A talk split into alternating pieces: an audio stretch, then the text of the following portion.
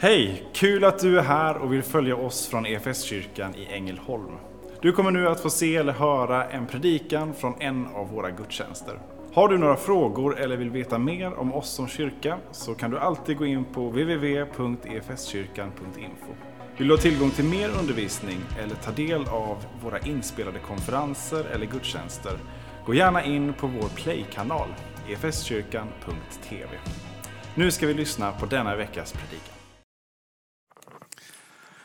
Lärjungaskap 2.0 är alltså temat för den här predikan.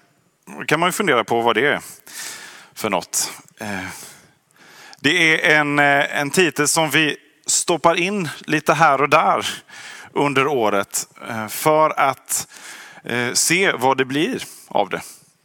Vi vet inte när vi stoppar in den vad det kommer att bli därför att tanken är att lyssna in lite. Vad händer just nu i samhället och världen? Och vad kan vi se vad kristen tro säger om det? Vad det innebär att vara lärjunge på 2000-talet. 2.0, alltså någon form av uppdaterat lärjungaskap. Det är en lite ironisk titel därför att vi landar alltid att det är precis samma sak eh, som för 2000 år sedan.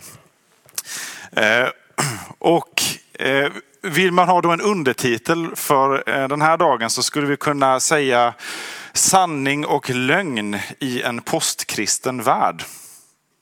Vad är ni med för den titeln? Mm. Fem av fem. Eh. Och egentligen handlar det då om frågan, vad, vad är sanning? Och eh, går det överhuvudtaget att tala om vad som är sant, vad som är rätt och fel i en värld som eh, som vår värld är nu. Så som den har blivit under de eh, senaste eh, några hundra åren egentligen. Och så kan man tänka sig den här postmoderna och postkristna världen. Alltså ett samhälle som befinner sig efter en tid, efter den moderna tiden där det har varit ganska självklart att vi kan säga vad som är sant och inte sant. Eh, och efter en tid som, där samhället har präglats av kristen tro väldigt tydligt så frågar sig folk, vad är sanning? Och den frågan är inte ny och inte unik för ett postmodernt samhälle eller ett postkristet samhälle. Pilatus, som vi nämnde här innan i trosbekännelsen, han ställer den frågan när han har Jesus inför sig. Eh, och man har Eh, fört Jesus till honom för att få honom dömd som upprorsmakare. Och så säger Jesus det att han har bara kommit för att vittna om sanningen. Alltså att han går sanningens ärende. Och då säger Pilatus, vad är sanning? Och sen går han ut till folket. Någon kanske tänker att det är en ärlig fråga. Han eh, börjar filosofera där. Vad är sanning? Hmm. Jag lutar mer åt det cyniska hållet. Vad är sanning? Det går inte att säga. Det vet Pilatus som befinner sig ganska högt upp ändå i systemet. Ett korrumperat romerskt system där sanningen för ganska länge sedan har fått ge vika. Eh, och där lögnen också är ett verktyg för eh, att klättra uppåt och kontrollera de ockuperade områdena. Och den här frågan ställer Pilatus framför en man som eh, tidigare har talat om sig själv som sanningen. Personifierad. När Jesus och hans lärjungar eh, har ätit påskmåltiden och så eh, ger Jesus dem eh, en ordentlig sluthälsning, undervisning om vem han är, vad de kan vänta sig. Och då säger han vid ett tillfälle, jag är vägen, sanningen och livet. Det här står i Johannesevangeliet 14.6. Jag är vägen, sanningen och livet. Ingen kommer till Fadern utom genom mig. En vers, ett ganska enkelt men otroligt stort och provocerande uttalande. Jag är vägen, sanningen och livet. Ingen kommer till Fadern utom genom mig. Han är sanningen personifierad. Det är genom honom som vi lär känna Fadern. Fadern som alltså är ursprunget för hela vår tillvaro. Den som har skapat tid och rum. Den som har skapat världen med dess ramar, möjligheter och begränsningar. Och säger Jesus, det är genom mig som du får reda på vad det är. Det är genom mig som du kommer fram till honom som är ursprunget. Och jag tror att är man sanningssökare så förr eller senare så kommer man fram till det här. En sanningssökare, en som prövar vad som är sant och rätt och riktigt, kommer aldrig vara ett hot för kristen tro. Ett hot för kristna ledare kanske, som missbrukar sin makt och skapar sin egen position. Då blir sanningssökaren ett hot. För diktatorer och despoter, då blir sanningssökaren ett hot. För sekter, för religioner som handlar om att kontrollera människor och bygga ett system som, som utnyttjar människor, då kommer sanningen vara ett hot. Men för kristen tro är sanningen inte ett hot. Därför att Jesus säger, jag är sanningen. Och det här har präglat kyrkan och präglat de samhällen som i sin tur har präglats av kristen tro genom århundraden. Sanningssökandet. Det är för att västvärlden har präglats så djupt av kristen tro som vetenskap har frodats. Upplysningstidens ateistiska historieskrivare vill få det till att det började där någonstans på 1700-talet. Men universiteten grundades långt innan det. Därför att kristen tro, Bibeln säger att den här världen är någonting vi kan lära oss om. Därför att det finns saker som går att upptäcka och ta på och verifiera. Och en längtan efter att lära känna sanningen, lära känna det som är rätt och sant, förstå. Så uppstår universitet och skolväsende.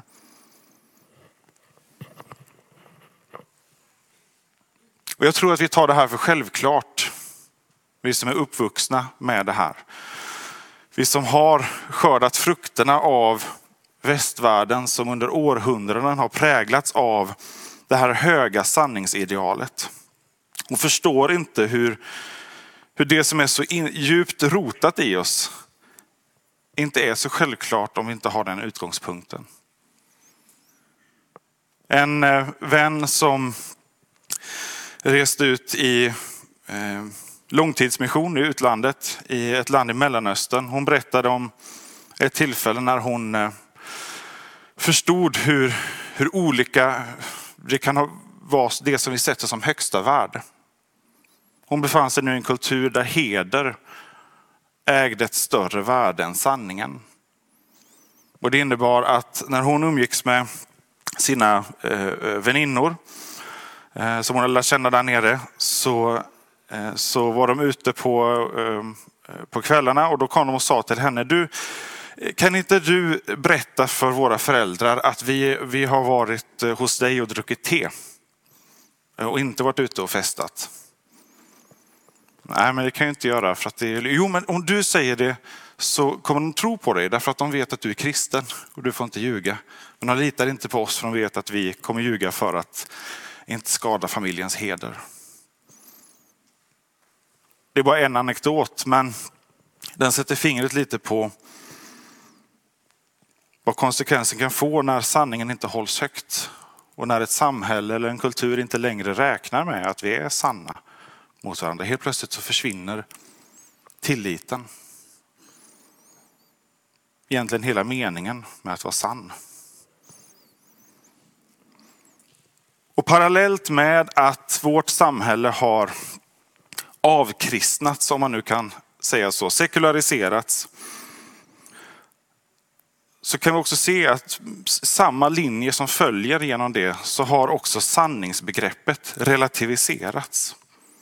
Och vi har gått från bilden och tanken att, vi kan ha en, att det är självklart att vi kan ha en gemensam förståelse för vad som är sant. Och självklart så var man medveten om redan på medeltiden. Vi har nid, väldigt mycket nidbilder om medeltiden. Och någon bild av att allting alltid utvecklas till det bättre. Eh, men läser vi vad de tänkte och skrev så förundras man över hur lik människan är sig själv i alla tider. Man var medveten, fullt medveten om att det finns olika sätt att se olika perspektiv. Men man hade också en, en självklar gemensam förståelse över att det går att upptäcka vad som är sant. Men det har också relativiserats parallellt med att den här kristna förståelsen av verkligheten har, har backat. Och istället lett till en subjektivism och individualism. Individen är den som avgör. Och det låter ju fantastiskt fint vid första anblicken. Att var och en blir salig på sin tro. Det som är sant för dig, ja, det får vara sant och fint för dig. Och så har jag min sanning. Och tidigare så vet jag inte om, men 50-talet i alla fall, så, eh, så var det stora diskussioner på ledarsidor om, eh, om kristen tro och vetenskap och ateismen som kristendomens största fiende. Eh, och bara för eh, några år sedan så eh, turnerade Stefan Gustafsson från Credoakademin, en av mina kristna lärare som jag haft. Han turnerade tillsammans med Christer Sturmark som var ordförande för Humanisterna. Och de hade debatter om Guds existens. Och det var liksom där som det skulle krocka och, och debatteras och bevisas. Jag såg en av de första debatterna och sen hände det sig att jag var i en stad där de hade en av de sista debatterna. Och det som har hänt under tiden var att de har blivit bästa kompisar nästan.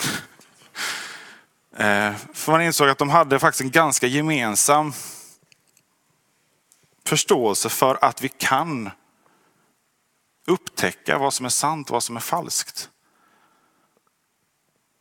Och att vetenskapens instrument och verktyg kommer ur ett kristet synsätt på hur vi kan pröva saker. Och idag så är, skulle jag säga, den typen av nyateister, eh, Christer Sturmark och Richard Dawkins och och de andra allierade med kyrkan i en värld som säger att vi inte längre kan veta vad som är sant och riktigt. Att ingenting är sant samtidigt som att allting är sant. Vilken vändning va?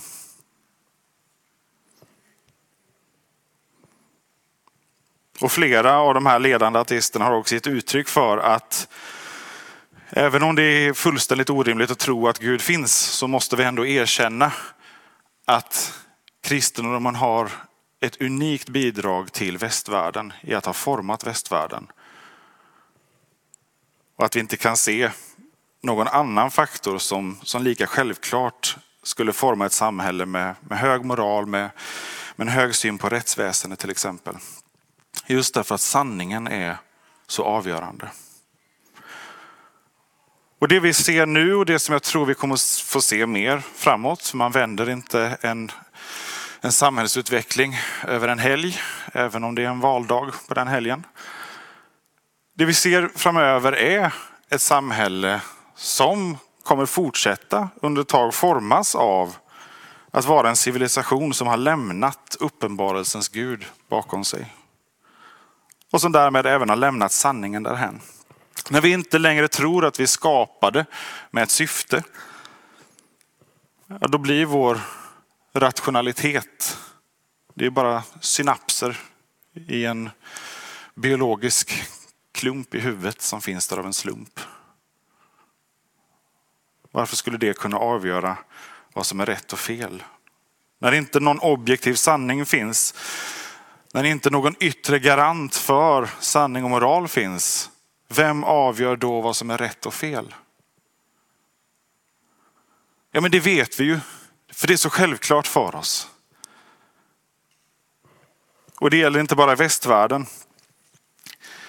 Så många kulturer har en inneboende instinkt av att det måste finnas saker som är rätt och fel. Vi måste kunna skilja gott från ont för att kunna förhindra det onda och eh, göra det som är gott. Men funderar vi på det i längden och drar det till sin spets så får vi väldigt svårt att svara på vad är det då som ska avgöra vad som är rätt och fel.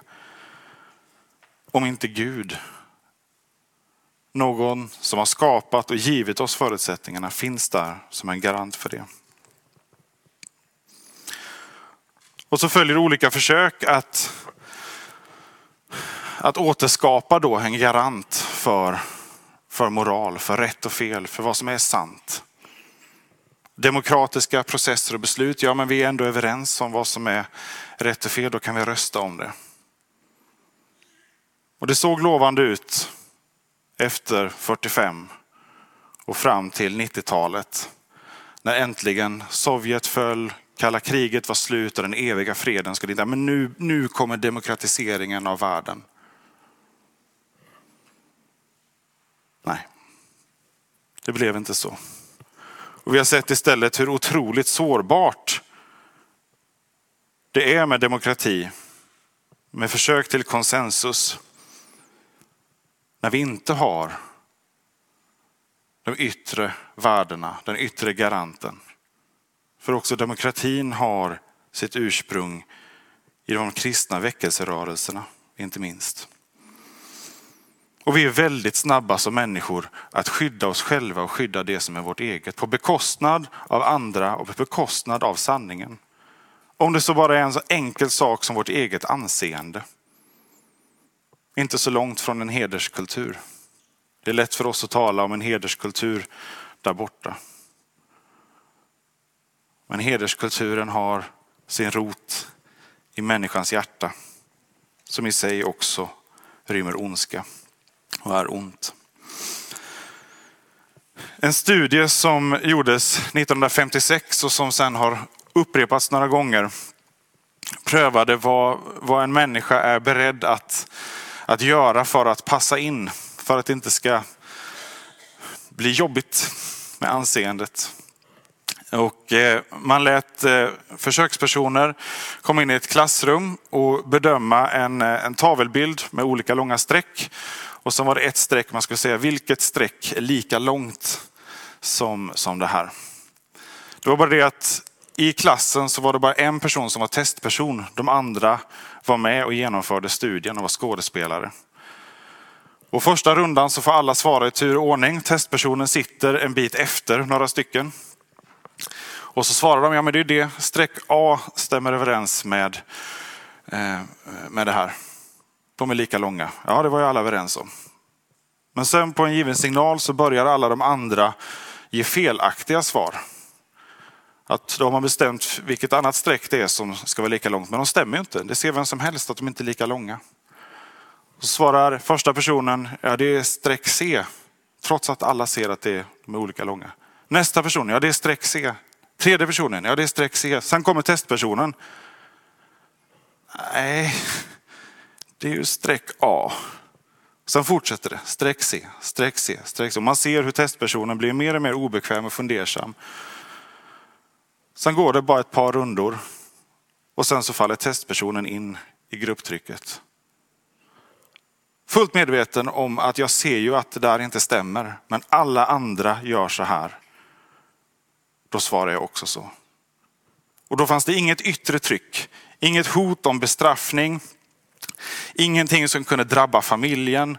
Det var bara anseendet där och då i testlokalen. Och testpersonens egna fundering på, kan jag lita på mig själv och vad jag ser? Så lätt är det att manipulera människans sinne. Därför finns i människan själv ingen garant för det som är rätt och fel.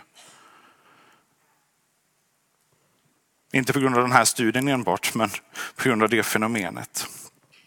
Grupptrycket är så starkt att vi kan förneka någonting som vi själva inte bara anar är sant, utan till och med vet är sant. Med alla de verktyg vi har att bedöma. Men är trycket tillräckligt stort, då kan jag förneka också det jag själv anar eller vet är sant.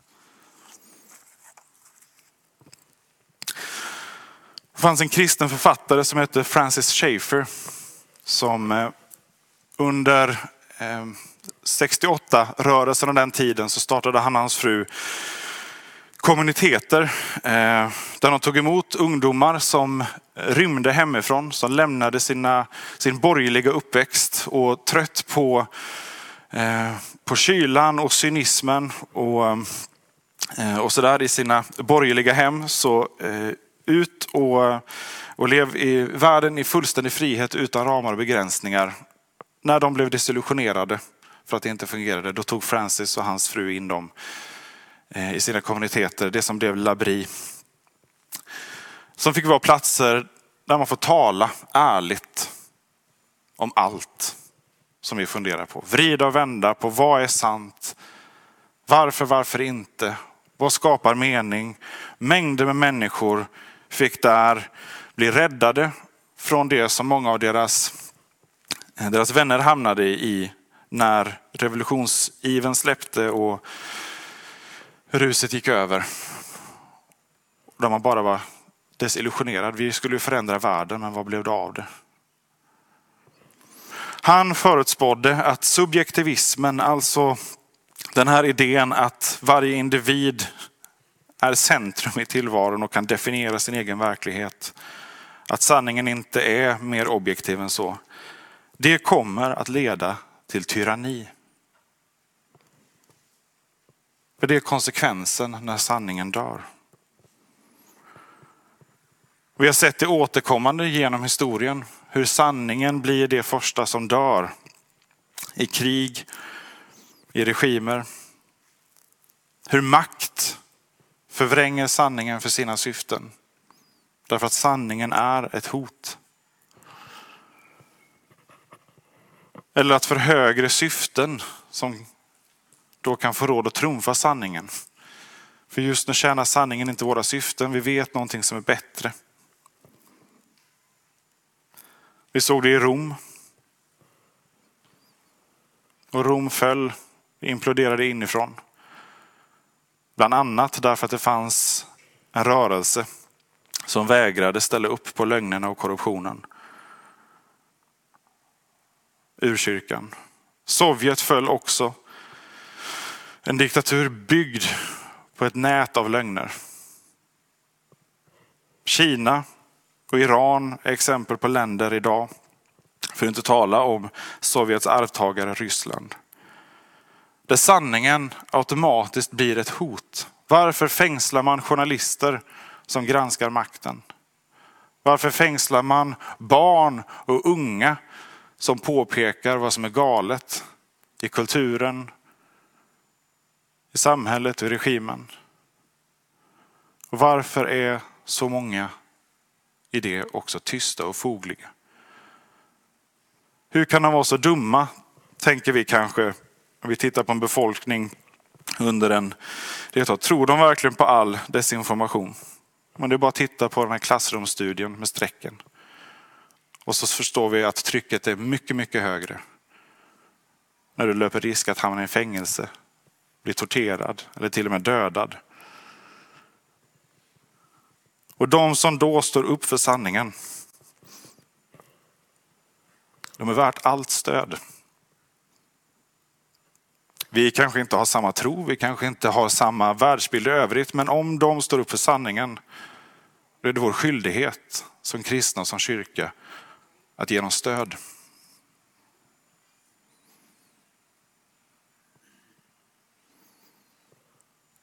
För om sanningen finns, om Jesus själv är sanningen personifierad, om sanningen är det som kan underminera och få ett, ett imperium av makt och korruption att falla. Då är vi kallade till det, då är det vår skyldighet som lärjungar i 2000-talet att stå upp för det. När människor gör uppdelningen mellan goda och onda.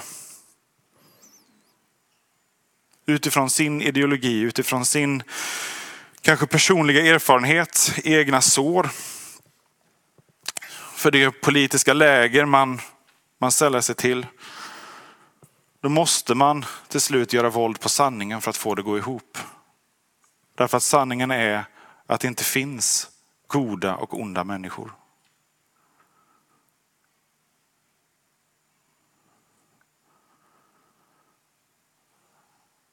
Varje människa är kapabel till fruktansvärd ondska.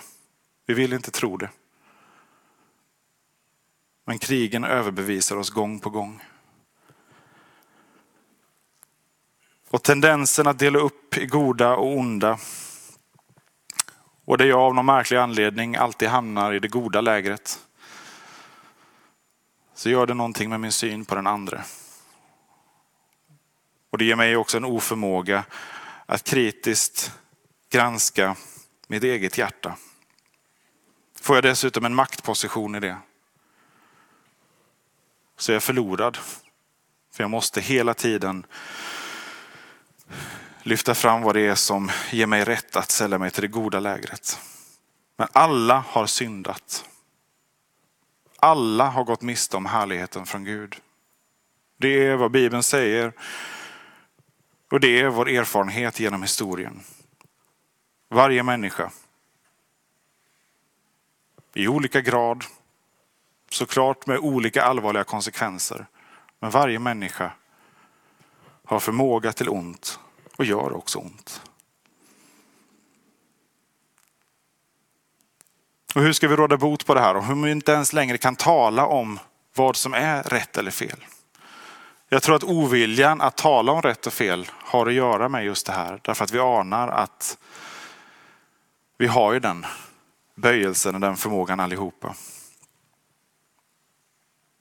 Och när inte längre Gud finns som ram för det så finns han inte heller som lösning för det. Det finns inte längre något rätt och fel. Skuld och skam är det är inte längre giltiga epitet i vår kultur. Men ändå så är alla överens om att det absolut finns skuld. Men om vi inte längre har gemensamma givna yttre ramar för att definiera det så är det väldigt godtyckligt. Vilken grupp som just nu är mest högljudd och får majoriteten med sig i rädsla för att framstå som onda eller dumma. Och så har vi genom att lämna den här grunden som har gett oss västvärldens förståelse för sanning, för rätt och fel. Hela vårt rättsväsende bygger på att vi tror att det går att avgöra vad som är sant, vad som är rätt och fel. När vi har lämnat det och fortsätter att lämna det bakom oss så har vi också tappat vår förmåga att värja oss mot de hot som vi har runt omkring oss nu. Vi kan inte längre värja oss mot när någon hävdar att det är fake news. För vem är jag att avgöra vad som är rätt eller fel? Eller om det är alternativa fakta. Eller konspirationsteorier som, eh, som finns i övermått och som får bättre spridning än någonsin tack vare våra forum på nätet som i sin tur är påeldade av medvetna desinformationskampanjer från just regimer. Men inte bara regimer, utan fallna västliga demokratier som ser en chans att påverka för att samla röster, för att få inflytande, för den goda sakens skull kanske. Och så blir lögnen och manipulationen ett verktyg för det som jag tror egentligen är gott.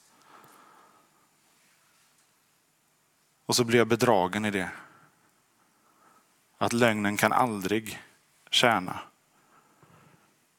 det goda syftet. Inte ens när vi som mest skulle vara villiga att försvara lögnen som verktyg så ger den god frukt.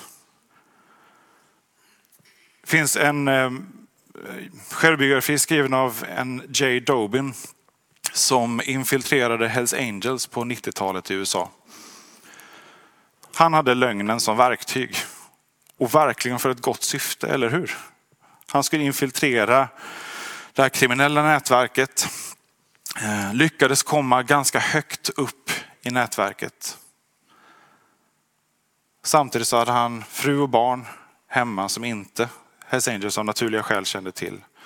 Han levde i två verkligheter samtidigt med lögnen som arbetsredskap. Och han beskriver i boken hur det trasar sönder honom fullständigt. Att han inte längre vet vem han själv är. Hur eh, banden till familjen blir helt upplösta. Eh, de känner inte igen honom. Och när han lever i det som han vet är en falsk verklighet så blir han ändå sån. När han ska låtsas vara som de här organiserade kriminella så inser han att det går inte bara att låtsas. Det jag säger och det jag gör, det påverkar mig oundvikligen. Även om jag gör det för ett gott syfte. Så gång på gång gör vi erfarenheten att sanning och lögn finns. Att sanning och lögn, rätt och fel, får konsekvenser. Och vi ser lögnens destruktivitet i, i stor skala. I kriminaliteten, i diktaturer. Men vi har också våra egna erfarenheter av hur snabbt lögnen luckrar upp tilliten och söndrar i relationer och arbetsplatser. Och hur försvarar vi oss då om sanningen inte längre är given? Om sanningen inte längre finns? Och inte längre kan lita på varandra eller på att någonting kan vara sant. Och vi kan argumentera för det här hur länge som helst och vi kan skapa strategier för det här i samhället. Det kan vi absolut göra. Men jag tror att räddningen för samhället finns i att se vad det är som har lett till det och att vända den utvecklingen. Och att vända om är ett av de centrala begreppen vi har i kristen tro. Bilden av att varje människa och människan också som kollektiv, ett samhälle eller en församling eller en familj behöver vända om. Därför att det vi har gemensamt är att vi alla gör fel. Vi alla ljuger Svarar du att du aldrig har ljugit någon gång så vågar jag lova att du har en lögn precis där. Jag ska inte ta genomsnittet hur många gånger en människa ljuger per dag för det blir jobbigt för oss. Vad är räddningen? Någon som kan lösa oss från det här. Som kan komma in och ge det här som vi i oss själva inte klarar därför att människan hur underbart skapad hon än är, förmögen till i sin tur skapa och bygga fantastiska saker, samtidigt också är så sårbar och lättmanipulerad. Bara den som har skapat människan och givit förutsättningarna och givit sanningen är den som kan rädda människan. Det är vad Bibeln säger, det är vad kyrkan har predikat i tusentals år och det är vad erfarenheten säger för den som söker sanningen och som har funnit den. I honom som själv säger att jag är vägen, sanningen och livet. Sanningen är en person förkroppsligad i Jesus.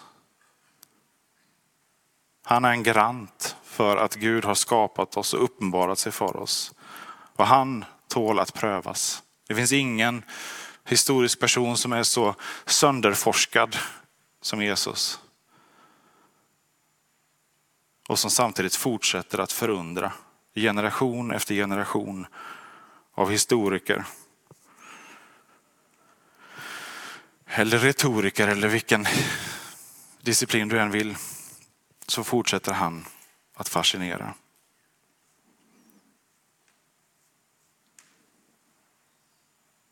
För att han finns så är vi inte utlämnade åt oss själva. Han säger att sanningen ska göra er fria. Och den som jag gör fri blir verkligt fri. Där finns befrielse från självupptagenhet, från lögn. Och vi kan faktiskt känna sanningen, lära känna sanningen. Och låta den sanningen definiera våra liv så att vi också kan vara sanna. Inte dras med i grupptrycket, inte dras med i frestelsen att rädda mitt eget skinn med en vit lögn eller en svart lögn.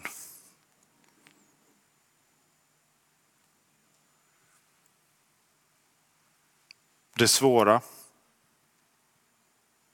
för det handlar om att sätta allt på ett kort och samtidigt det enkla. Att pröva Jesus, våga tro på honom. Han säger precis i närheten till det citatet vi har haft här. Låt inte era hjärtan oroas. Tro på Gud och tro på mig.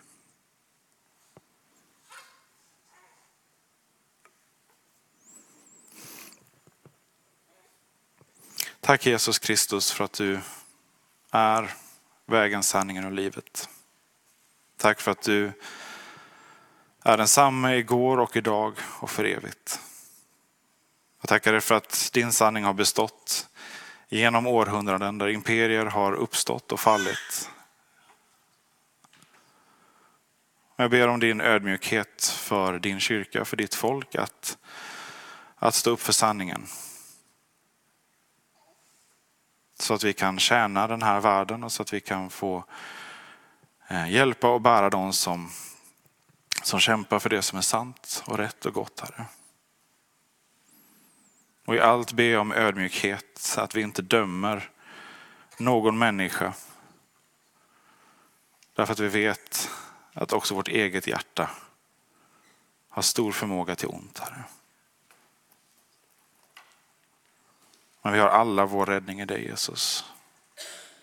Men jag ber om kraft och tro, tillit att våga vända om till dig Herre.